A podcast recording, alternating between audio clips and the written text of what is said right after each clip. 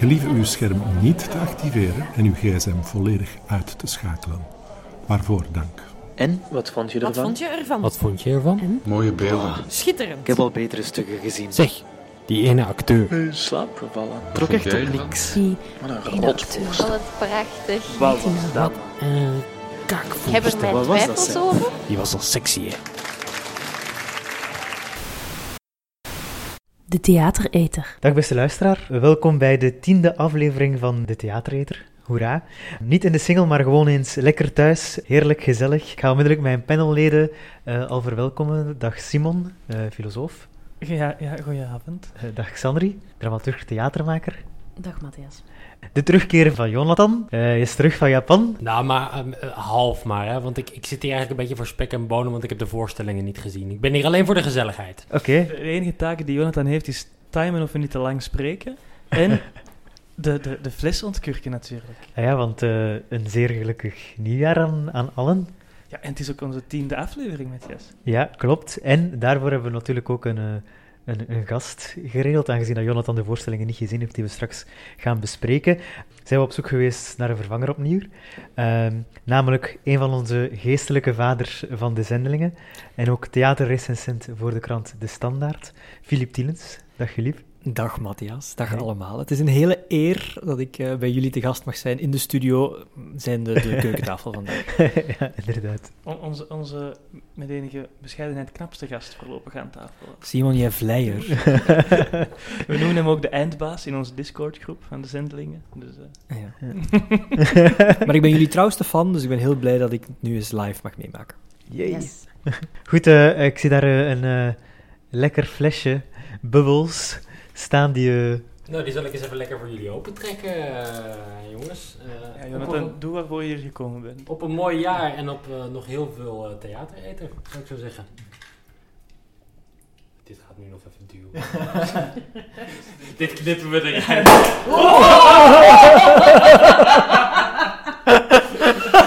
Daar gaat de lamp.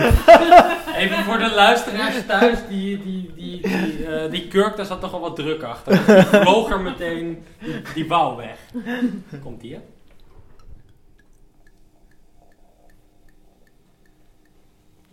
Alleen maar schuim. Hier heb ik al de hele dag naar uitgekeken. Ja, feestelijk. Hè? Wat hebben jullie trouwens gedaan voor, eh, voor het eindejaar? hè? De overgang van oud naar nieuw? Heb het Ik, samen met mijn vrienden in een schuur eh, gevierd. In de schuur. In een schuur met heel veel hooi en eh, lekker veel dieren. Had jij een wild Ik dacht al, wat, ik, wat, rook, wat ruik ik hier? Matthias. Nee, ik heb het gewoon thuis gevierd. Simon, eens je de 30 voorbij bent, dan moet je niet meer uitgaan.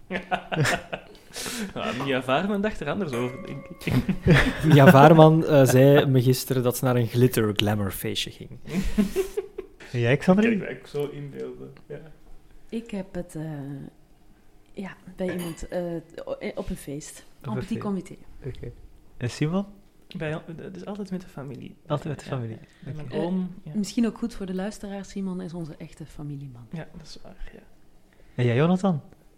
Eh, ehm, mijn, mijn vader was jarig met, eh, met, met... Die is altijd jarig met nieuwjaar. Die is op 1 januari jarig. En die werd nu eh 65. Eh, dus we hebben dat met zijn... Ja, we hebben zijn verjaardag gevierd eigenlijk. Het nieuwe decennium komt en jouw vader is pensioengerechtigd. Ja, maar ze hebben de, maar- ja, maar ze hebben de pensioenleeftijd verhoogd. Dus dat gaat, gaat inmiddels al niet meer op. Maar we hebben het toch gevierd alsof hij pensioengerechtigd is. Kom jongens, we gaan chingen. Oké. Hier? Wou jou Dank een- je. het kleinste glas geven. Er is nog meer, hè jongens? Ja, ik wil heel graag een mooie glas. Dit gaat mooi klinken. Oké, proost, Toast. Op de theatereter, hè, jongens. School. School. Onze luisteraar heel jaloers thuis. Ja, Ik snap het Oh, wel. die, ja, die is al lang terug gaan. Goed. Lekker, lekker, lekker. goed. Terug naar de zaak. Straks met een dubbele tong spreken.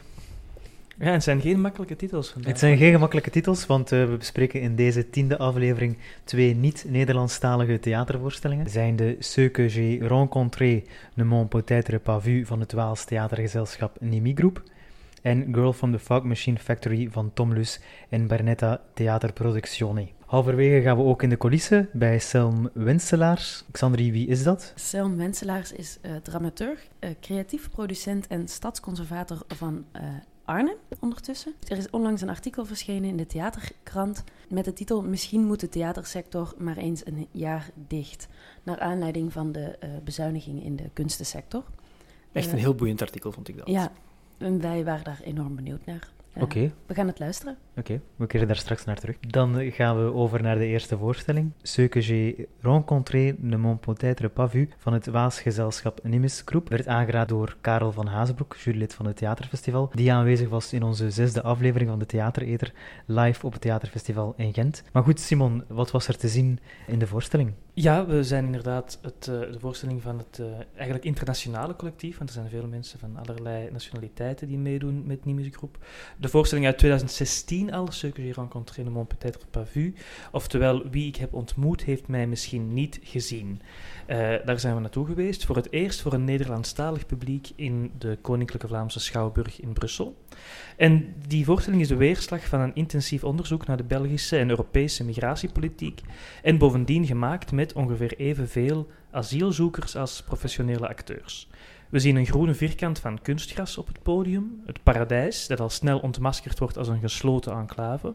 We horen de persoonlijke verhalen van de asielzoekers. Ze spelen hun vaak vernederende ontmoetingen met ambtenaars van de dienst Vreemdelingenzaken na. We krijgen heel veel informatie te verwerken, bijvoorbeeld over Frontex, het agentschap dat de Europese grenzen bewaakt en daar cynisch veel geld aan verdient. Maar niets zonder een flinke dosis surreële en absurde humor. Nimis Groep maakt duidelijk dat wat zij doen, illegale bewoners in het land opvangen en ondersteunen, bij wet verboden is en je mag de zaal verlaten, maar wie blijft wordt medeplichtig aan hun medemenselijkheid. Al vragen ze wel om bij een eventuele politieinval te doen alsof er een hedendaagse bewerking van Shakespeare, van Shakespeare's Midsomernachtroom bezig is. Oké, dankjewel Simon. Eh, het was Waals theater of Franstalig theater. Hadden jullie al eerder eh, Franstalig theater gezien? Of Belgisch-Franstalig theater?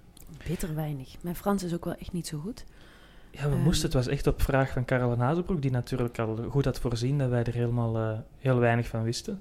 Die dacht van jullie theaterhorizon, moet dat verbreed worden richting het zuiden van het land? Ja, ja, dat is al de eerste stap Ja. van verbreding. inderdaad. Ik eh, kende hen ook nog niet, maar ik herkende wel een van die acteurs, eh, Romain David, en die speelt ook bij Raoul Collectief. Dat is een eh, ander, jong, eh, een beetje gehyped Franstalig theatercollectief, die ik ooit in Avignon zag. En ik denk dat ze aan hun derde voorstelling aan het werken zijn nu, dus eh, die doen ook altijd heel intensief onderzoek, zoals dit gezelschap ook, hè, die Nimis-groep. Ja, en verder, eh, wat heb ik al gezien, Fabrice Murgia en Anne-Cécile van Dalem, die vooral in het Theater Nationaal werken, maar het blijven toch twee verschillende werelden, hè, het Vlaamse en het Franstalige theater. Ja, waar zit het verschil? De Ja. Maar het zijn ook verschillende werelden, omdat ze zo weinig met elkaar te maken lijken hebben. Bijvoorbeeld het Theater Nationaal, waar die Fabrice Murgia, en dat heb ik ook gezien dit jaar, zijn voorstelling Sylvia, over Sylvia Plath. Een van de mooiste voorstellingen die ik dit jaar Absoluut. heb gezien. Echt, eh, echt ook heel multimediaal en heel groots aangepakt. 2019 dan. Eh, ja, ja, vorig jaar ondertussen al. Ha, wat leef ik nog in het verleden. Eh, maar dat was ook een van de weinige eh, Belgisch-Franstalige voorstellingen die bijvoorbeeld in het toneelhuis in Antwerpen te zien waren. En het is ook, Niemes Groep is, was dan in de Koninklijke Vlaamse Schouwburg te zien voor het eerst, terwijl het een voorstelling is die al sinds 2016 speelt. En het Theater Nationaal is, is er god een paar honderd meter vandaan. En in die zin vond ik het ook wel opmerkelijk, maar dat is dan weer de, mijn cynische kant. Het was de bedoeling om het dus aan een Nederlandstalig publiek voor te stellen, maar ik hoorde toch veel, Mhm. een, een vo- voornamelijk Franstalig publiek in de zaal. Ja, het is wel een gehypte voorstelling, denk ik. Dus veel mensen die het nog niet hebben gezien, zijn dan in de KVS komen kijken. Waaronder dus niet al te veel Vlamingen, maar wij gaan hen warm maken voor een mogelijke reprise van dit stuk, misschien binnenkort. Ja, het was theater dat zich vooral in de, in de realiteit bevindt. Theater als eh, middel om informatie te verspreiden, om iets te veranderen aan de huidige realiteit. Hoe hebben jullie dat Ik was vooral, jij hebt het al gezegd, eh Filip, eh, en dat sluit er wel een beetje bij aan, ontzettend onder de indruk van de hoeveelheid onderzoek die zij hebben gedaan. Echt ja, bijna wetenschappelijk, sociologisch onderzoek. En ook ze zijn met mensen, met asielzoekers gaan spreken, maar ook met juristen, met, sociaal werkers, mensen die echt in het veld staan. En zij, de manier waarop zij die grote hoeveelheid aan informatie eh, op een verhalende manier weten brengen, dat ze, hebben er ook echt hun tijd voor genomen. Het is een onderzoek dat denk ik drie jaar geduurd heeft. Daar hebben ze echt hun tijd voor genomen om dat goed in de vingers te krijgen. Je voelt dat ook, hè? het is super doorvrocht. En dat maakt dat het, uh, ook al volg je de actualiteit rond migratie of uh, asiel op de voet, dan, dan een aantal zaken zijn reminders of zo, of een heel mooie samenvatting. Maar ik denk als je van toeten nog blazen weet, en je komt binnen en je kijkt, op die anderhalf uur dat het stuk duurt, ik denk dat je wel echt kan volgen en veel leert. En dat ze met heel veel uh, nuance en fijngevoeligheid, heel, uh, het hele parcours dat zo'n uh, een vluchteling of een asielzoeker vanuit het thuisland die naar België komt en welke stappen die moet doorlopen, dat ze dat heel goed inzichtelijk maken en tegelijk ook voelbaar. Want het blijft ook wel theater en het is niet iets heel rationeel uh, academische lezing die ze doen. Dus je blijft wel, uh, je voelt ook er iets bij. Dat vond ik en hoe hebben ze dat dan aangepakt? Dat het, dat het dan geen een speech, academische lezing is, dat het eigenlijk politiek theater was met, met, met humor, toch? Iedereen heette Bernard Christophe bijvoorbeeld. Ja. Is dat de oorzaak dat het niet te zwaar aanvoelde, dit stuk? Niet alleen voor mij. Nee, ik denk dat het absoluut wel een stuk is uh, dat er respect is met hum humor en ook een zekere luchtigheid. Als je het hebt over, de, over een soort van emotionele betrokkenheid of uh, een, een, een, menselijk verhaal, gaat dat voor mij ook over dat het niet alleen bij een, een, groot verhaal blijft, maar dat het zich ook vertaalt naar het feit dat daar um, asielzoekers of uh, vluchtelingen op scène staan. En ook dat je voelt dat er dat enkele van de scènes um, vanuit een autobiografische inslag zijn ontstaan, vermoed ik.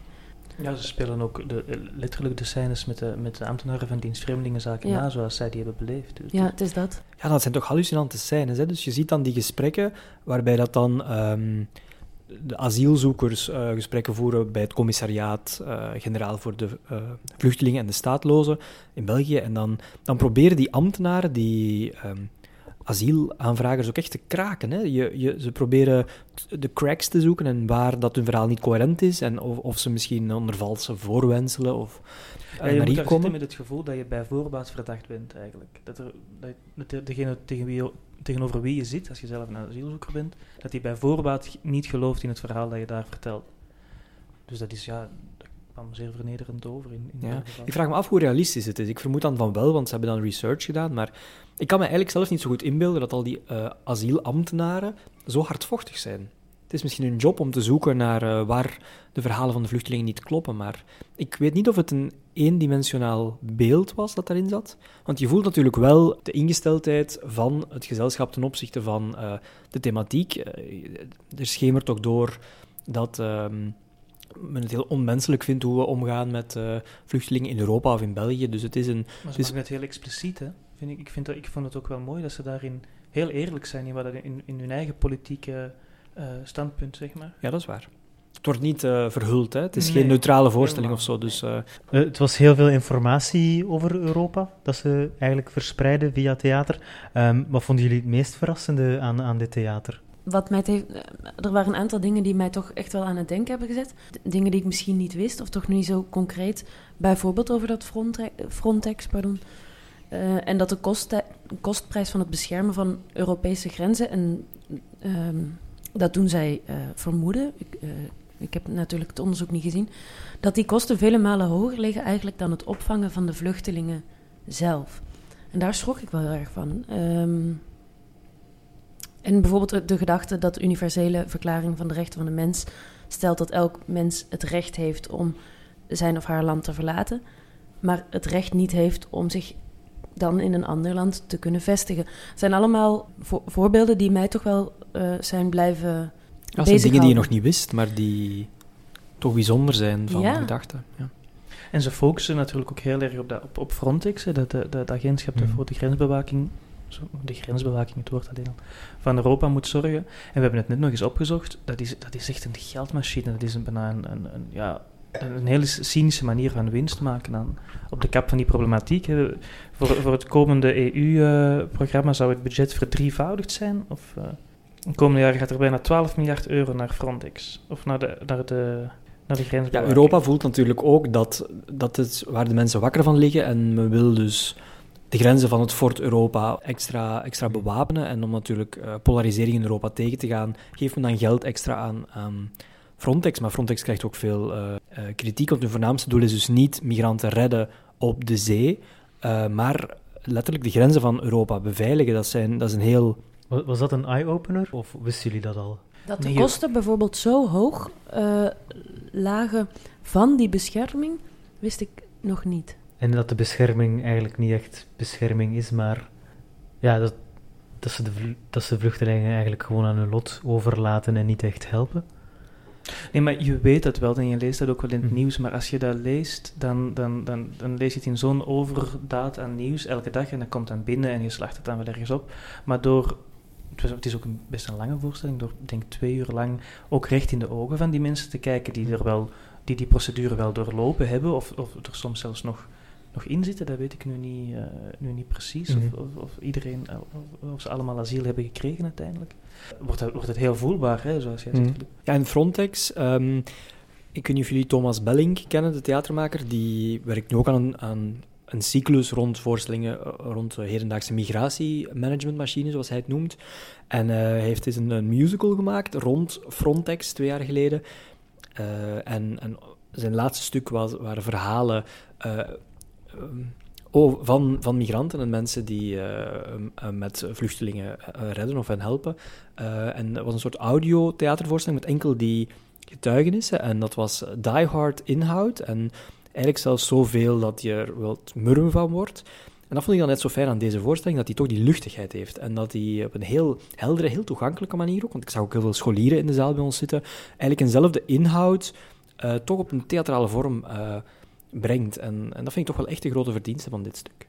En ook vrij eclectisch, toch? Zo, Absoluut, eh, ja. de- de- de- de- vormelijk, eh, er is... eh, Een knal buiten. Nog een Ja, beetje we zitten hier in vuurwerk. het, eh, al bijna het noorden van Antwerpen, dus het eh, kan, zijn en het is net na nieuwjaar, dus... Eh, dus dat vond ik ook wel knap. Dus dat, dat de verschillende scènes ook een, een eigen karakter hadden. En dat die er toch ook wel echt voor zorgde dat ik bij de les bleef. En dat ik eh, het verdroeg om soms ehm, eerder eh, eh, theoretische ehm, allee, verhandelingen tot me te krijgen. En dan weer iets veel persoonlijker of op een microschaal.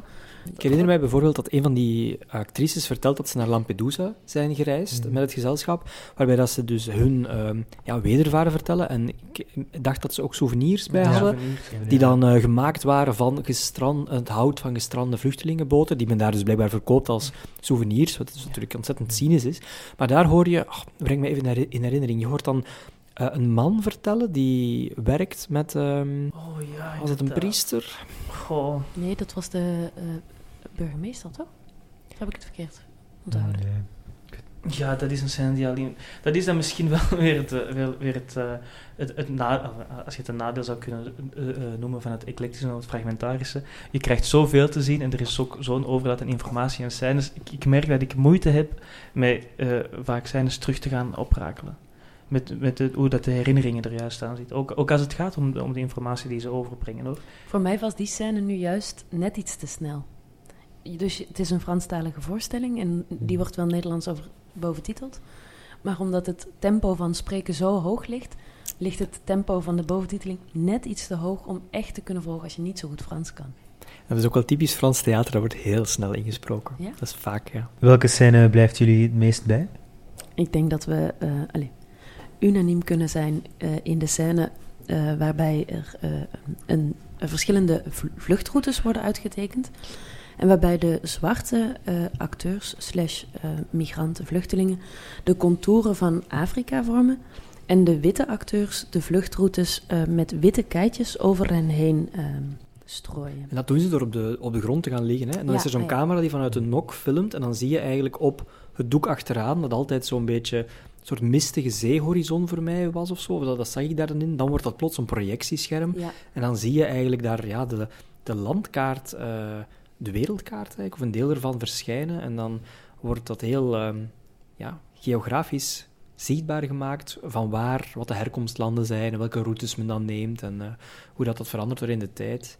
En doordat dat met die lichamen te vormen, krijgt dat iets, ja, zeer indrukwekkend. ja vond ik het ook wel. Maar ik denk dat die scène eigenlijk ook goed eh, hun gevoel voor humor omvat. Mhm. Omdat het is, eh, op zich wat ze doen, is, heeft dus ook weer iets kinderachtigs of, of kleins of zo, door gewoon met, met elkaar naast elkaar te gaan liggen en dan het Afrikaanse continent Ja. te Echt vormen. theater spelen, hè? Ja, en dan de man die er rondloopt en die met, met het touw het continent afbakent, die zegt van ja, en dan komen we hier eh, West-Afrika en dan zijn we hier aan de Mediterranee, daar is Israël-Palestina, dat is een andere, eh, dat is een ander kluwe, daar gaan we het vandaag niet Ja. over hebben. Eh, dus ja, zo met die, ja, een gevoel voor, dat, dat is een scène die eigenlijk heel hun manier van spelen of van omgaan met die problematiek heel goed eh, in heel veel Ja, facetten super simpel, maar zo sterk eigenlijk. Hè? En tegelijkertijd super schrijnend, omdat er ook op het einde van die scène gaan twee eh, van de witte acteurs gaan in eh strandstoeltjes achterover liggen aan de... eh, Aan de Mediterranee. ja, voilà. Ja, ik vond die ook heel pijnlijk. Ik zag laatst de film Atlantiek. Senegalees-Franse film die, die in december eh, speelde in de zalen. En ehm, daarin gaat het dus, we zijn in Senegal, en waarin het, het, liefje van de hoofdrolspeelster is dan met andere mannen eh, de Middellandse Zee opgevlucht richting de Canarische eilanden dan, richting Spanje. En voor haar krijgt die Mediterranee zoiets eh, afschuwelijks, want dat is dus de, het monster dat al die dorpsgenoten heeft opgeslokt. En zo, ja, die, dat afschrikwekkende dat, dat de Middellandse Zee dan kan hebben als je weet hoeveel mensen... Simon, je had het opgezocht, hè, dat er sinds 2014... Sinds 2014 zijn er 20.000 mensen eh, hebben hun graf gevonden Ja. in de Middellandse Zee. Ja, dan... Je kan dat trouwens eh, live op de voet volgen op het Missing Migrants Project op het internet. Daar zie je altijd die statistieken. Dat is hallucinant. Ja. Het absolute topjaar was 2016. Met meer dan 5000 mensen die dat er in de. Mediterranee eh, omkwamen. En als je dan weet dat bijvoorbeeld een agentschap zoals Frontex actief de mensen pushbacks probeert, eh, ze probeert terug te sturen en bijna militair probeert tegen te houden. Dat is een heel wrange manier, eh, ja, heel wra- wrange thematiek. Ik vond, het, het- ik vond dat gevoel voor humor trouwens ehm, dat is wel iets wat ik, wat ik nu bij hen gezien heb, wat ik nog niet zo vaak, of toch schijnbaar niet zo vaak in het Nederlandstalig of het Vlaams theater heb gezien. En dat is wat je zo dat typisch Belgische surrealistische gevoel voor humor eh, zou kunnen noemen. Inderdaad, een soort. Eh, het, het maakt ook niet uit hoe erg of hoe zwaar het is. Er, is. er is toch wel een absurde draai of een surrealistische draai aan te geven. Die, Kan je daar een voorbeeld van geven? ja, het beste voorbeeld van de voorstelling is waarschijnlijk de, de hele scène. ehm, of, of de vooruitspiegeling, ja, vooruitspiegeling op wanneer de flikken zouden binnenvallen. Dus dan, de- ze, ze bereiden dat voor en ze vragen aan het publiek om vooral goed mee te applaudisseren als er een, signaal komt dat de flikken binnenvallen. Want wat zij doen met, de, met de mensen die illegaal zijn en opvangen, bij wet verboden. Hè, dus we moeten allemaal meespannen en dan gaan ze heel banaal, heel kinderachtig, heel dwaas Midsomernachtsdroom eh naspelen. En dan speelt er iemand een boom of een steen, of iemand, nee, iemand speelt de maan, denk ik. Het is echt heel, heel kinderachtig, heel flauw, heel banaal, maar op, ja, om, om, om- omdat je in zo'n zo'n ernstige thematiek zit, krijgt dat die absurde draai. Want wat mij ook is bijgebleven, is zo die, die catch-22 waarin veel asielzoekers zitten. Dus zij willen wel bijdragen aan de samenleving, maar zij mogen, omdat zij in een regularisatieprocedure zitten, niet werken, niet officieel werken. Zij mogen eh, geen contract tekenen. Zo wordt ook gezegd van een aantal van de spelers hier die hierin zitten. We- Ze mogen geen contract tekenen om mee te spelen. Dus ze zitten dan een soort vrijwillig slash illegaal slash in het zwart in die voorstelling. Ehm, terwijl ze misschien niet liever zouden willen dan ook eh, daarin spelen en betaald worden. En de identiteit is ook beschermd, omdat ze iedereen Bernard Christophe laten noemen. Ja, inderdaad, dat is ook een leuke, is een leuke gimmick of zo, maar dat maakt ook dat het, eh, ehm, het individuele concrete overstijgt. Want eh, ze heten allemaal zo, dus ze zouden ook inwisselbaar kunnen zijn voor al die andere duizenden asielzoekers die eh, naar Fort Europa willen komen. Ja, misschien moeten we het daar ook even over hebben, dat het een sociaal-artistiek project is. Eh, zes asielzoekers eh, in de voorstelling. Welke, welke rol speelt dit in de, in de voorstelling? Ja, ik, ik moet zeggen, en ik ben daar zelf ook. Ik, ik word er soms zel- zelf ook met die vooroordelen, maar heel vaak als, je, als het over sociaal-artistieke projecten gaat, dan, dan heb je, heeft men vaak de neiging, of wordt er wel eens gezegd, dat het artistieke weinig, eh, weinig aandacht krijgt, of dat, dat de artistiek minder waarde aan zit. En ik vond het echt bijzonder hoe. Maar ik denk ook dat dat te maken heeft met, met de tijd die ze genomen hebben om deze voorstelling te maken. Hoe technisch verfijnd dat. Hoe, hoe, ook hoe, hoe theatertechnisch met verschillende, met, met licht en met verschillende vlakken op het podium dat er ges- gespeeld werd. En qua, qua opbouw en structuur die ze, die, die ze erdoor krijgen, energie die ook veel met humor te maken heeft. Dus dat vond ik toch wel een. eh, ik, ik vond het in die zin echt een, een heel mooi voorbeeld van een, van een artistiek zeer geslaagde sociaal-artistieke samenwerking. Oké, allen daarheen. Wanneer kunnen we de voorstelling nog zien? Het is wachten op een nieuwe herneming, maar hopelijk komt die er in Vlaanderen. Oké, Dankjewel. Xander en Simon, jullie reisden afgelopen kerstvakantie naar Nederland, naar Arnhem, om te spreken met Selm Wenselaars. Uh, vertel me even wie is Selm en van waar deze ontmoeting? Uh, ja, Selm is een dramaturg, creatief producent en stadsconservator van Arnhem. Um, onlangs verscheen er een uh, artikel in de, op de theaterkrant online um, met als grote kop: Misschien moet de theatersector maar eens een jaar dicht. Um, nou, naar aanleiding van de bezuinigingen in de cultuursector, de aanstaande bezuinigingen. wij waren benieuwd, een goed artikel en uh, nou, daar wilden wij meer van weten. Oké, okay, we gaan even luisteren. hey, pst, nee, hier. Pst. In de coulissen. Op het Misschien ook hoe, wil, hoe, en hoe probeer je het in je eigen werkzaamheden te incorporeren? Xandri, mm -hmm. ik zit hier op mijn krakende stoel. stoel ja. Waar zijn we? Um, we zijn in mijn kantoor. Vanuit het raam hier links van mij uh, hebben we de stadstuintjes in Antwerpen. En we gaan zo uh, Sam Wenselaars facetimen. We zijn modern. Hen is op vakantie en uh, we gaan een interview met hen doen. Ja. En waar gaan wij het over hebben? Dus er is een artikel verschenen halverwege december. Misschien moet de theatersector eens een jaar dicht, heet het artikel. En... Dat is een interview met hen, hè? Uh, ja, het is een interview. En daar zijn wij benieuwd naar.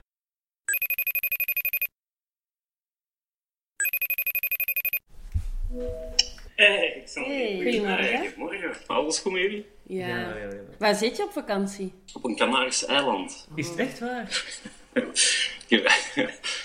Zeker schroom om, altijd, om op te biechten dat ik op Gran Canaria zit.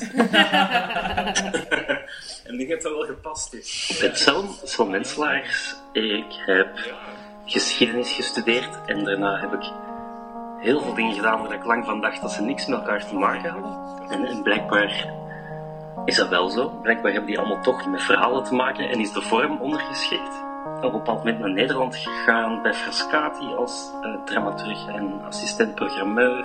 Gewerkt aan Theater Rotterdam en sinds afgelopen jaar freelance dramaturg, programmamaker, maar ook als conservator van Museum Arnhem. Zeg, wij uh, bellen jou eigenlijk in het bijzonder naar aanleiding van een interview dat jij hebt gegeven in de Theaterkrant. Dat had de gevleugelde titel Misschien moet de theatersector maar eens een jaar dicht. Yes, ik heb het gelezen. Ja. Ik had eerlijk gezegd niet verwacht dat, uh, dat dat interview zo zou resoneren. Ja, die titel, we leven natuurlijk in een tijd van big ideas, van, van, van die grote wervende titels waar mensen dan grote ogen uh, opzetten. Zelf denk ik dat het artikel of het interview een soort ballenbak is aan al dan niet uh, samenhangende ideeën. Het is op zich een warm pleidooi of, een, of denk ik bijna een heel persoonlijke vraag die ik heb om even stil te staan, om even ja, pas op de plaats te maken en te overschouwen waar we precies staan. Want zowel in het theater als in de musea merk ik organisatievormen kraken, de subsidielijnen die, die drogen op. Maar er is zo weinig tijd om even na te denken over de impact en eh, wat het allemaal, allemaal betekent voor de praktijk. Maar ik denk dan concreet aan, sociaal-artistiek werk of, of de co-creatie, zoals het dan heet, waar ik op zich een heel warm hart voor heb, maar wat zich heel vaak uh, vertaalt in hele korte pop-up projecten die weinig duurzaam zijn, projecten die um, uh, dus maatschappelijk zijn. Hè. het idee is dan om vanuit de kunsten, specifiek dan vanuit de podiumkunsten, om de brug te slaan met de maatschappij en um, in gesprek te gaan met uh, ja, middenveldorganisaties, met daklozen, met mensen in kansarmoede, psychiatrische patiënten. En de snelheid daarvan, die, die, die vind ik zo hallucinant. Er is natuurlijk weinig tijd, er is weinig geld. En het, uh, het is zo snel op een uh, product gericht, op een eindresultaat. En zeker bij het sociaal-artistiek is dat heel pijnlijk. Als we zelf ons, onszelf zes weken opsluiten in een blackbox, vallen we er op zich niet zoveel mensen mee lastig. Maar als we het idee hebben dat we ook nog goed bezig zijn, als we dan in dialoog gaan met een dakloze en dan dat verhaal het podium vertalen. Uh, er is natuurlijk veel te weinig tijd en aandacht ja, ook voor nazorg. Voor een, voor een voldragen project. En er zijn absoluut uitzonderingen. Hè. Alleen merk ik gewoon dat er een, een, een grote verbreding is gekomen. van sociaal-artistieke projecten. En dat heeft niet in het minst te maken met uh, geldstromen. In uh, Nederland is dat VSB-fonds, een heel groot fonds dat dan heel erg daarop is gaan inzetten. Ook de Vlaamse gemeenschap zit veel meer in op sociaal-artistiek werk. En, en, nogmaals, er zijn absoluut goede voorbeelden. Dus daarover gaat het niet, maar het gaat wel over hoe, hoe dat we dan proberen onszelf te legitimeren aan de hand van dat soort projecten. En nou ja, dat is vaak pijnlijk en onnodig en het helpt niemand vooruit. Waar, waarom ligt dat volgens jou, die resultaatgerichtheid en die snelheid van werken? Ja, wat, wat is er gebeurd? Ja, de professionalisering van de kunsten heeft zich gewoon in een rotvaart doorgezet. En daar zijn we heel lang heel blij om geweest. En die professionalisering die is maar ten dele gelukt. Naar mijn idee gaat het dan vooral over well ja, meetbaarheid. Uh, we hebben onszelf heel erg laten vangen door een discours. Uh, dat we dus heel erg mee zijn gegaan in de meetbaarheid der dingen. En als kunst nu één ding mag zijn, dan is het toch niet meetbaar, denk ik. En dat betekent niet dat we carte blanche moeten krijgen, dat zeker niet, maar het is gewoon doorgeslagen. Je zegt ook in, je, in het artikel of in, in het interview, zeg je iedereen is de hele tijd bezig met het halen van targets. Dat levert een rare situatie op waarbij niemand verder kan denken. Er zijn geen vergezichten meer, geen aspiraties. Dat sluit er volgens mij best wel op aan. Heb je een idee van hoe dat dan anders kan? Ja, dat is de enige juiste vraag. Hè. Hoe, hoe moet het dan anders? Hè? Ja, ik denk dat het een tijd lang uh, wel goed zat. Ik denk dat we gewoon zijn doorgeschoten in een, in een paar dingen. En wanneer, wanneer zit het dan nog wel goed? Ja, nu ben ik wel historicus, maar om nu zo'n... Vroeger was alles beter, Simon. Dat, ja. uh, sowieso. Nee, dat, dat zeker niet. Want er zijn ook meer middelen gaandeweg bijgekomen. Maar ik heb wel het idee, en dat, dat geldt absoluut niet alleen voor de kunsten, maar het is natuurlijk een, een bredere maatschappelijke evolutie, dat er minder vertrouwen is. Hmm. Vertrouwen in elkaar. En, en hoe, hoe, dat je dat kan herstellen, ja, dat zijn hele lange processen. Ja, er zit een spanning altijd tussen vertrouwen en transparantie. We vragen in deze tijd meer transparantie, omdat er zoveel wantrouwen is. Omdat we niet geloven dat het anders op een ordentelijke manier gebeurt. Dus het is het herwinnen van vertrouwen. En niet het minst het zelfvertrouwen. Als er iets aangetast is de laatste jaren, dan is het toch wel het het zelfvertrouwen van mensen. Maar als het dan gaat over die, dat vertrouwen dat er zou ontbreken bij, ja, bij theaters, bij theatermakers. Ja, ik denk vooral theaters hebben toch een verpletterende verantwoordelijkheid. Um, de grote instellingen hebben de, de crisissen wel doorstaan, hebben zich wel weten te handhaven, zijn er soms zelfs sterker uitgekomen. Wat ik zelf heel vaak miste de voorbije jaren, door theaters van binnenuit te, te, bekijken, en dan specifiek twee Nederlandse theaters, vond ik het zo schrikbarend hoe weinig vertrouwen zij in kunstenaars hebben. Ja, dat heeft dan weer met een andere trend te maken, eh, die ook weer met die professionalisering te maken heeft. Wie werkt er vandaag de dag in theaters? Opnieuw heel gepassioneerde, gedreven mensen, maar die zijn wel steeds meer afgedreven van, van de artistieke praktijk, misschien van het bewustzijn dat ze voor een artistieke organisatie werken. En uh, dat is misschien wat gechargeerd gezegd, maar er heerst toch wel een soort boekhoudersmentaliteit soms, die ik helemaal niet kan rijmen met, met een artistieke praktijk. Ja, een ontluisterend beeld schets ik wederom. Maar, ja, is, uh, ik, vind, ik was zelfs, ik wou zelfs het woord gitzwart in de mond nemen. Oei, oei, oei. Ja. Nou, opnieuw, het, er zitten heel veel mensen in de sector met, met goede intenties, en, um, maar door hoe het bestel is in elkaar gezet, door de targets die zijn ingesteld door, door subsidiënten, door overheden, krijg je dat soort situaties. Krijg je dat, uh, omdat publieksaanvallen gehaald moeten worden, spreiding is een, is een, criterium lange tijd geweest. En uh, dus het maakt ook gewoon dat, uh, ja, dat die theaters ook in de verdrukking komen.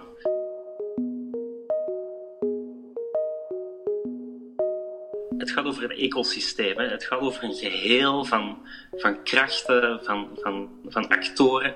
En nou ja, om te beginnen, het onderwijs, het kunstonderwijs, zijn heel veel opleidingen die mensen een, een, professionele carrière in de kunsten voorspiegelt. En dat is op zich niet slecht, dat is helemaal niet erg. Ik heb zelf geschiedenis gedaan. Ik denk dat we met echt een handjevol van die honderd afgestudeerden effectief iets met geschiedenis hebben gedaan. Dus dat is helemaal niet erg. Alleen is het onderwijs dus niet, niet zozeer op die competenties gericht, maar wel op shinen en uh, er komen of zo. Hè? Maar dat is wat ik dan hoor van heel veel uh, slachtoffers. Nee, van heel veel mensen die, uh, die, die, die, kunst gestudeerd hebben. Ja, dat je daar toch al heel snel in, in getraind wordt in het onderscheiden van, van elkaar. Dus het is een ongelooflijk American dream. Met een heel brede basis van mensen die, die ergens naartoe streven, maar waar maar zeer weinigen echt door um, een gekke combinatie van geluk en talent dan toch ergens komen het lijkt me fantastisch als, als je een kunstopleiding kan volgen, maar ook met het besef dat je daarmee bepaalde competenties aanleert die je op een hele fijne andere manier kan inzetten. Dus uh, ja, er is een overaanbod van dromen. Dat vinden we allemaal jammer, maar het is een feit dat het publiek uh, afneemt. Dat we het moeten afleggen van de Netflix en van de... Mhm. Ja, dus die, die krimp die er dan toch is gebeurd, die, uh, die vertaalt zich dan nog niet helemaal. En, en dat, zorgt voor heel veel vrevel. En, uh, dus het, het gaat over een bepaald denken in ecosystemen, in hoe alles met elkaar verbonden is. En wie daar welke plaats en welke verantwoordelijkheid in neemt. En dat gesprek mis ik wel heel erg. En wat jij dan voorstelt in, in het interview, of, of wat je zegt, is ik gun een aantal theaters in Nederland, maar ik veronderstel dat dat ook voor Vlaanderen opgaat. Ik gun een aantal theaters van harte dat ze de deuren even dicht doen en zichzelf opnieuw mogen uitvinden. Zeker weten. Ja, dat is een boetade. Ik werk dus zelf voor een museum dat nu uh, een paar jaar dicht is. Mm -hmm. uh, simpelweg omdat er uh, een grote renovatie is. En, en, dat geeft zoveel kansen om de organisatie opnieuw uit te denken, om je presentatie te actualiseren. Het is echt stilstaan ook niet romantiseren. Het is dan heel hard werken voor zo'n organisatie om toch zichtbaar te blijven. En, en uh, nou ja, echt stilstaan, dat bestaat natuurlijk niet. Dat kan helemaal niet. Dus het moet wel uh, op een manier geproduceerd worden. En, maar als het gaat over een aantal theaters, en dan is Theater Rotterdam een hele makkelijke. Maar in Vlaanderen denk ik nu ook het Toneelhuis. Mm -hmm. Hoe dat men terwijl de trein rijdt, probeert het huis te verbouwen, ja, dat, um, wacht, dat zijn twee metaforen door elkaar, dus ja, en je voelt gewoon dat dat dus niet gaat, dat dat helemaal niet zo werkt. Dat je ook niet uit de ene relatie kan stappen en in de andere. Nou ja, dat, dat, dat blijkt dus niet mogelijk te zijn. En wel, dus vandaar dat idee van, van tussentijd.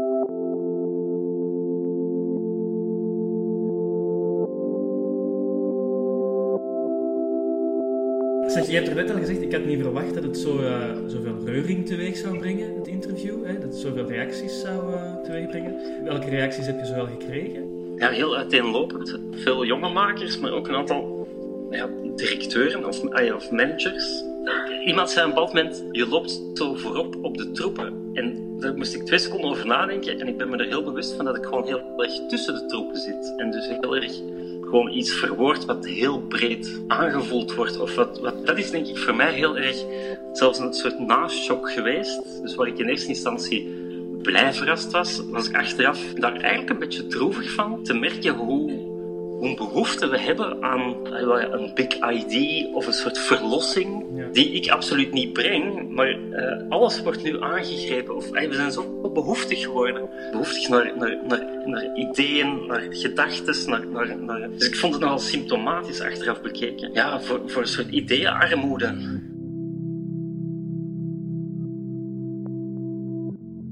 Merci om tijd te maken. Ja, super bedankt. Tijdens je vakantie nog wel. Hey, fijn. Maar jullie ook heel erg bedankt. Dankjewel. Goed. We horen elkaar. Is we zien goed. elkaar. Tot snel. Ja. Hey. Psst. Nee. Hier. Psst. In de coulissen. Uh, zal ik jullie allemaal nog even bijschenken, jongens? Dan, uh, de, dat maakt de lippen nog weer wat meer los. Ja, graag. Gewoon met jullie glas. Ja, ik had al een beetje een droge mond. Ah, je hebt al bijgenomen, zie ik. Daar wordt het gemoed een beetje milder van. Precies. Is het nodig, Simon? Ja, ja. Ik ben altijd zo streng en zo cynisch, Xander, dat weet je toch? Dank je. Oei. Alle glazen gevuld? Yes, we zijn klaar voor deel 2. Dan gaan we over naar de tweede voorstelling. De tweede voorstelling is Girl from the Fog Machine Factory van Tom Lus en Bernetta Theater Produzione. Uh, Simon, kan je me nog eens terugnemen naar de voorstelling en ons vertellen wat er te zien was? Dat uh, zal ik proberen. De, uh, hij, wordt, hij wordt aangekondigd als een theatermagier. Uh, Tom Luus. Dus Die marketingmensen toch altijd. Ongelooflijk, ja. hè? Grenzeloze creativiteit. Ja. Hij wordt ook aangekondigd als een jonge Zwitserse regisseur, maar hij is toch al 37. Maar bon, Zo van, nog altijd redelijk jong. jong. En hij neemt ons mee naar de rookmachinefabriek. Een poëtische en tot de verbeelding sprekende plaats waar een van de meest geliefde theaterinstrumenten wordt gefabriceerd, namelijk de rookmachine. Want, zo zeggen ze, wanneer een regisseur niet weet wat met een scène aan te vangen, gebruik dan een rookmachine. De arbeiders in de fabriek zijn begeesterd door hun vak, maar lijken niet erg bezig met de vermarkting van hun product. Ze tonen ons allerlei mogelijke formaten en vormen rookmachines en zijn aldoor bezig met nieuwe manieren uit te vinden om rook te blazen. Ze zingen a cappella It was a long time, a very long time ago. En een jong meisje komt de fabriek bezoeken en wordt achteloos, schijnbaar buiten haar wil om, een van de werknemers. Misschien kan zij de fabriek, waar het adagium er is geen geld klinkt, nieuw leven inblazen. Maar hoe het er met de fabriek aan toe gaat, is slechts een evocatie van poëtische onderwerpen als vergankelijkheid, herinnering en liefde. Voor elkaar en voor de mist. Wauw. Ik word er zelf helemaal poëtisch van, Philip. Prachtig. Dankjewel, Simon. Ehm, misschien moeten we even het hebben over, over de scène om te beginnen. Uh, de beginscène, uh, waar we heel veel props, eigenlijk voorwerpen, uh, op de scène zien staan. Um, ja, ik vond de voorstelling dat, dat, er, heel, dat er heel veel klank aanwezig was. Er was heel veel beeld aanwezig. Um, ik vroeg mij af, hoe verhouden zich, hoe verhoudt zich dat tot, uh, tot elkaar, die klank, beeld en tekst? Zijn ze evenwaardig met elkaar? Of? Ik heb het gevoel dat je, ik heb het gevoel dat, we, dat je in de voorstelling, dat ik toch in de voorstelling werd ingetrokken. Um, dus je ziet effectief een, een, een fabriek staan met ventilatoren, microfoons, radio's die recht uit de jaren 60, 70 lijken uh, te komen. Eén voor één komen de performers op. Je hoort hen al zingen van een plek die je niet kunt zien. En het heeft iets weg van een, een, een, een, uh, een plek die je kent uit je dromen. Dus niet mm zozeer een concrete plek. Um, en langzaamaan uh, opent die fantasie zich of zo. En, en, en, en, en mag ik in hun verbeelding in die fabriek binnentreden. Ehm, ja, want het is wel duidelijk een werkplaats, toch? Ja. Ja, dat, dat was bij mij wel, uh, kwam wel meteen zo over. Absoluut. Een maar niet een werkplaats. Maar, ja, maar niet een werkplaats die je hier om de hoek um, aan de Schelde zou kunnen vinden. Weet je waar mij het aan deed denken? Ik vond het magisch realisme van het geheel. En die fabriek, ik moest wel aan zo Shaki en de chocoladefabriek denken. Oh, wel zoiets, ja. Zo'n soort fabriek waar dan iets... Uh, zoals uh, chocolade daar hier mist wordt geproduceerd en waar dan alles uh, soms wat misloopt of mistloopt. um, het is flauw op je. Uh, en het een soort magische sfeer hangt waar je eigenlijk graag zou willen werken. Ja, ja heb ik ook gevoeld. Welke beelden onthouden jullie van deze voorstelling? Ja, er was één beeld en ik herinner me dat ook het publiek uh, echt zo alsof ze in, op, in, in, het circus of zo, of op een uh, rariteitje zo, wauw, oh, zo. Ik weet welk beeld jij bedoelt. Ja, ja ik gingen ze met, uh, Matthias, jij hebt het een vortexkanon Een vortexkanon, een nieuw woord geleerd, ja. ja. Gingen ze van die hele mooie, uh, afgemeten cirkels rook maken. En die, die, die, die zweefden dan doorheen de Het is een beetje vergelijkbaar met als je een sigaret eh, heel af en toe kom je mensen tegen die een, een, een rondje kunnen blazen met hun mond. Doen de tovenaars in The Lord of the Rings zo'n dingen niet bijvoorbeeld? Dat is trouwens hetzelfde principe als een vortexkanon, voor zo'n kringertje te blazen als je rookt. Vroeger toen ik rookte kon ik dat ook, ik ben, ben gestopt al, al drie jaar, maar toen ik rookte kon ik dat ook. En dat was gewoon eigenlijk de rook in je mond houden. En dan maakte je met je, je mond eigenlijk een, een O. En dan drukte je met je vinger op je wang en dan kwam er ook zo als een vortexkanon. Hier vliegen die cirkels ook boven de hoofden van de, van de zaal, dus dan krijg je een soort betrokkenheid. En het grappige is dat ik eh, onlangs een andere voorstelling heb gezien, uh, Plastic Bertrand, van Kopergieterij in de Maan, waar hetzelfde effect wordt in uh, gebruikt. Hmm. Dus het is ook wel iets van, waarvan je weet als maker, als je dat doet, dat je publiek oh en wauw en uh, betoverd gaat zijn. Maar ja, dat, ze zijn, de mensen in de fabriek zijn rookmagiërs. Ze maken de mooiste uh, beelden eigenlijk. Um, en, die dan tien seconden zichtbaar zijn en dan verdwijnen ze natuurlijk. En dat is dan toch wel een van die, van die mooiste beelden. Maar ja, zo waren er nog vele. Zo waren er vele en ook zo was voor mij het geluid ook. Dus, dus het is eigenlijk een, een, een voorstelling waarvan ik me herinner dat er een constante soundscape aanwezig is. Die oftewel uh, live gemaakt wordt. Er wordt muziek... Uh, um... Ze zingen heel vaak dat de capella nummer ook. Hè. Absoluut. Er staat er een soort klavecin. Nee, ja, piano. ja. Ja, en, een celliste is er ook, toch? En ze doen ook leuke dingen met een combinatie van wind en geluid. Zo zijn er ventilatoren hmm. ja. waar dan, die dan wind blazen en dan uh, blazen die dan op uh, de cello en op uh, de viool. en dat, dat, geeft heel bijzondere effecten. Dus daar experimenteren ze ook mee. Hè? Ja, ze hebben gewoon allemaal stuk voor stuk en dat is natuurlijk dat is sowieso mooi om te zien. Ik denk dat je al een heel nog veel cynischer mens dan ik moet zijn om dat niet mooi te vinden. Maar er gaat zo'n ontzettende liefde uit voor hun vak, voor de mist, voor de lucht. Mm. Uh, die ze allemaal zo uitstralen. En ze zijn echt... Ja, je gaat helemaal mee in hun begeestering van nieuwe manieren om rook te blazen uit te vinden. Dat, dat is wel, ja.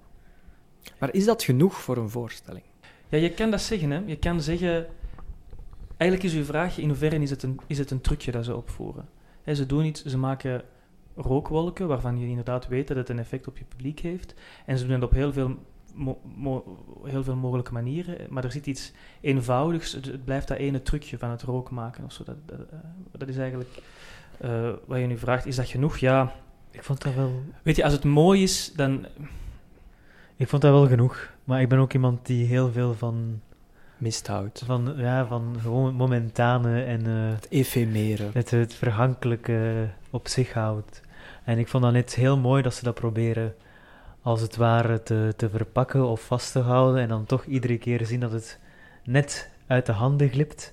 Ehm, maar die mist is natuurlijk gewoon een metafoor voor arbeid die niet meer, product, niet meer efficiënt is of niet productief is, of waar deze maatschappij dan geen geld voor over heeft en die men dan maar wegbezuinigt, want uh, we moeten allemaal efficiënt zijn. Je kan, dat, je kan daar een metafoor in zien voor de kunstenaar, uh, voor beroepen die geen uh, grote rechtstreekse economische meerwaarde hebben of zo, en, en die, waarvan de groot aandeelhouders dan maar zeggen van ja, stop maar, we moeten bezuinigen, we gaan deze afdeling afschaffen.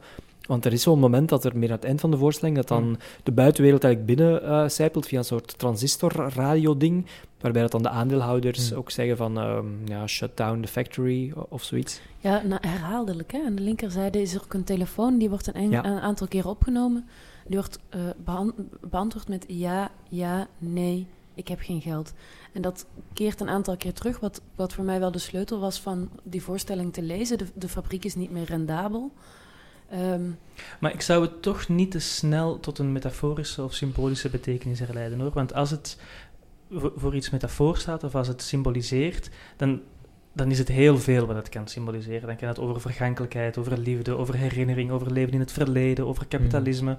Dus het, is ook, het gaat ook gewoon, of tenminste wat op mij Ah, ik ben, dat, dat, dat, zegt iets over, over wie je als toeschouwer bent. En ik ben daar heel erg vatbaar voor, voor, voor zo'n soort traagheid, voor, zo'n, ja, voor die vergankelijkheid. Hè. Maar er zit iets heel moois in gewoon die materialiteit van de rook, of ja, de niet-materialiteit van, van de rook en van de lucht.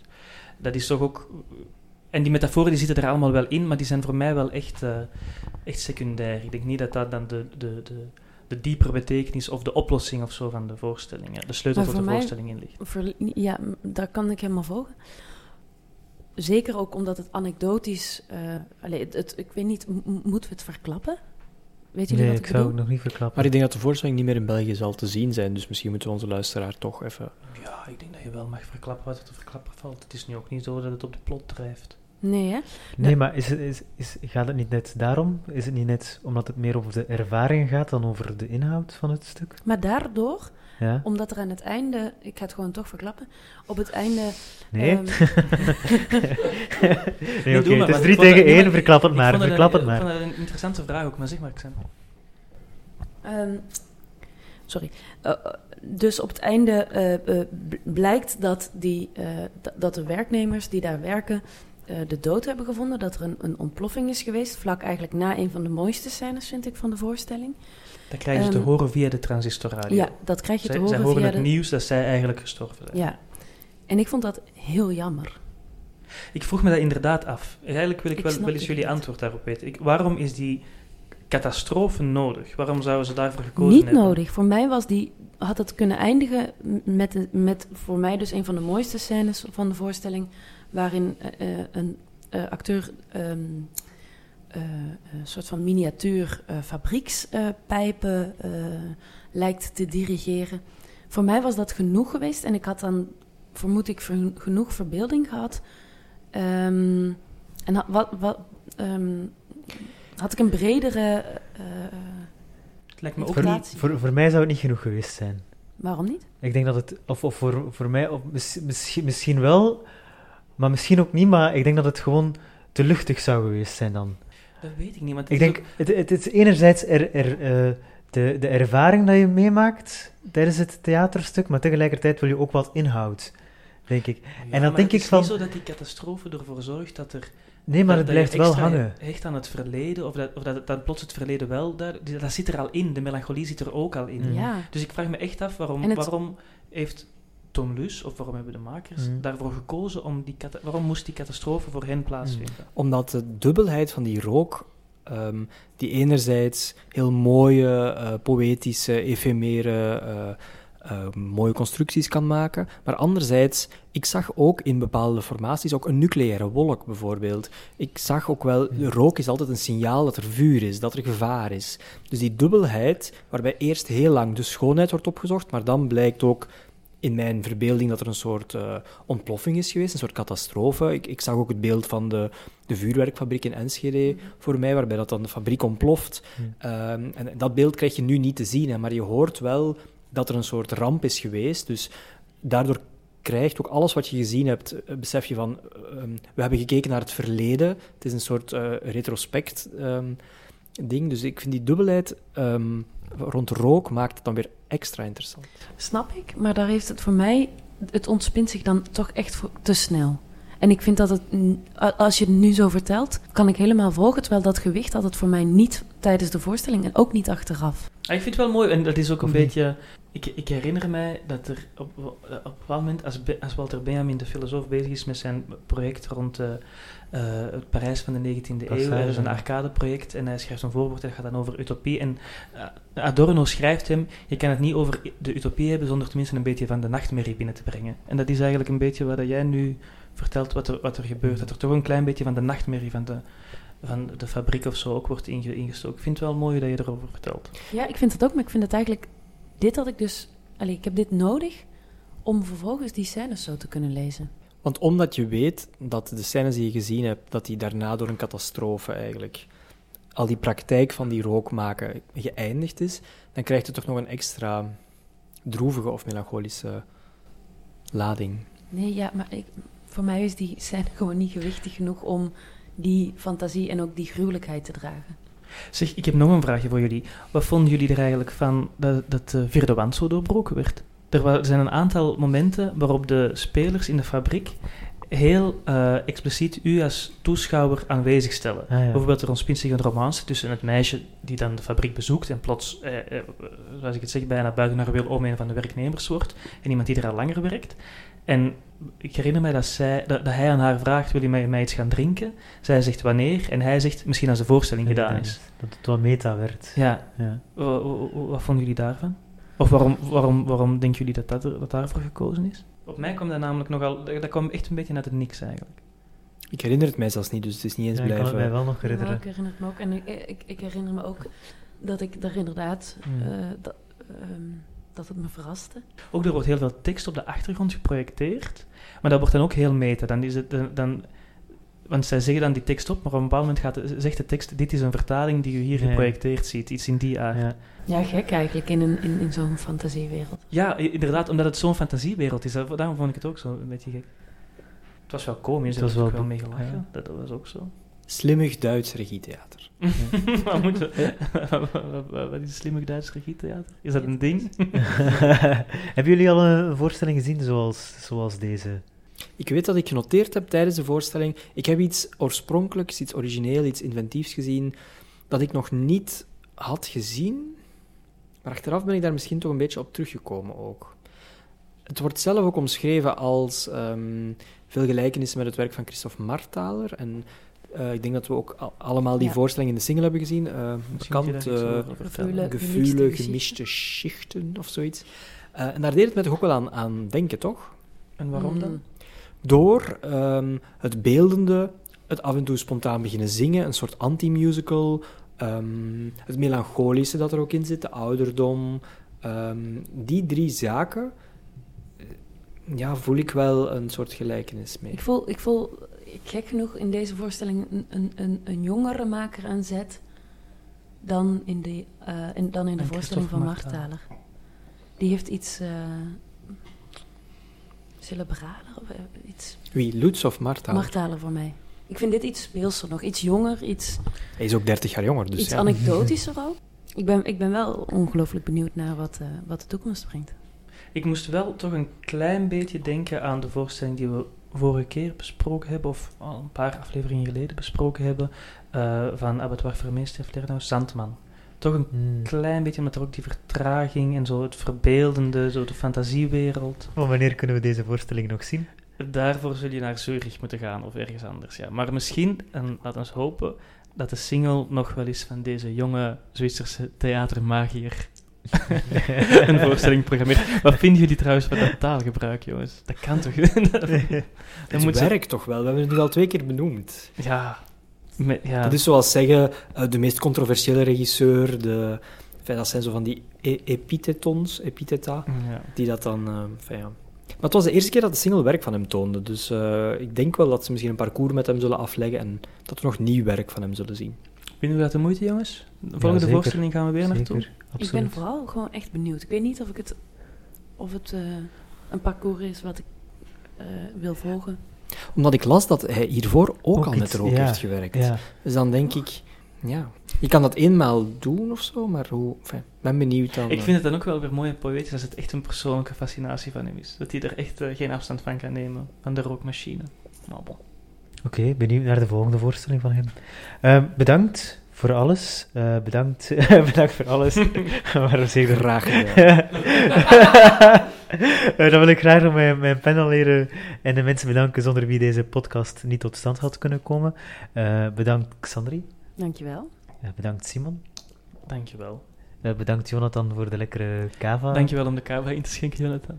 Graag gedaan, eh, jongens. Eh, de volgende keer ben ik weer echt. eh, Ik sta mijn plaats partij. met plezier af. Terug aan jou, Jonathan. Oh, dankjewel, Philippe. Ik kijk er al naar uit. Wij willen toch vragen aan Filip om, om jou te, om te blijven. En misschien hoe heb je het eigenlijk in Japan gehad, Jo- Jonathan? Hoe, ga ik nu weg. hoe- Vertrek ik nu. hoe heb je het eigenlijk in Japan gehad? Eh, ja, eh, geweldig. Het is een prachtig land. Allemaal naartoe gaan. Kijk, ja, dat weten we dan ook. En eh, bedankt Filip natuurlijk. Filip Tielend, hoe Dank vond je het? wel. Ja, ik vond het eh, fijn om te doen. Ehm, Smaakt het naar meer? vooral de kava smaakt naar mij. ja, Oké. Schenk, schenk nog eens bij, Jonathan. Gaan we regelen, eh, Simon. En natuurlijk ook bedankt aan de nieuwe tijd, de single, KVS, de zendelingen. Eh, volg de zendelingen op alle sociale mediakanalen. Je kan deze podcast terugvinden in je favoriete podcast-app Spotify, Soundcloud, TuneIn, Stitcher en Castbox. Of via de website van de zendelingen. En als je deze podcast leuk vindt, vergeet dan ook niet te liken en te abonneren. Dan kunnen mensen die, onze, die ons nog niet gevonden hebben, ons weer makkelijker terugvinden. Ik wens je een zeer gelukkig nieuw theaterjaar. Eh, bedankt voor het luisteren en graag tot de volgende keer. Eh, wij gaan er nog een glaasje op drinken. Yes. School, jongens.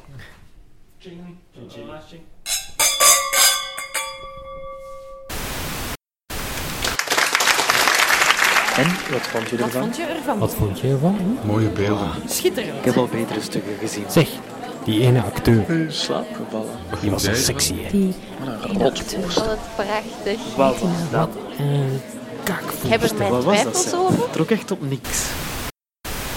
De theatereter.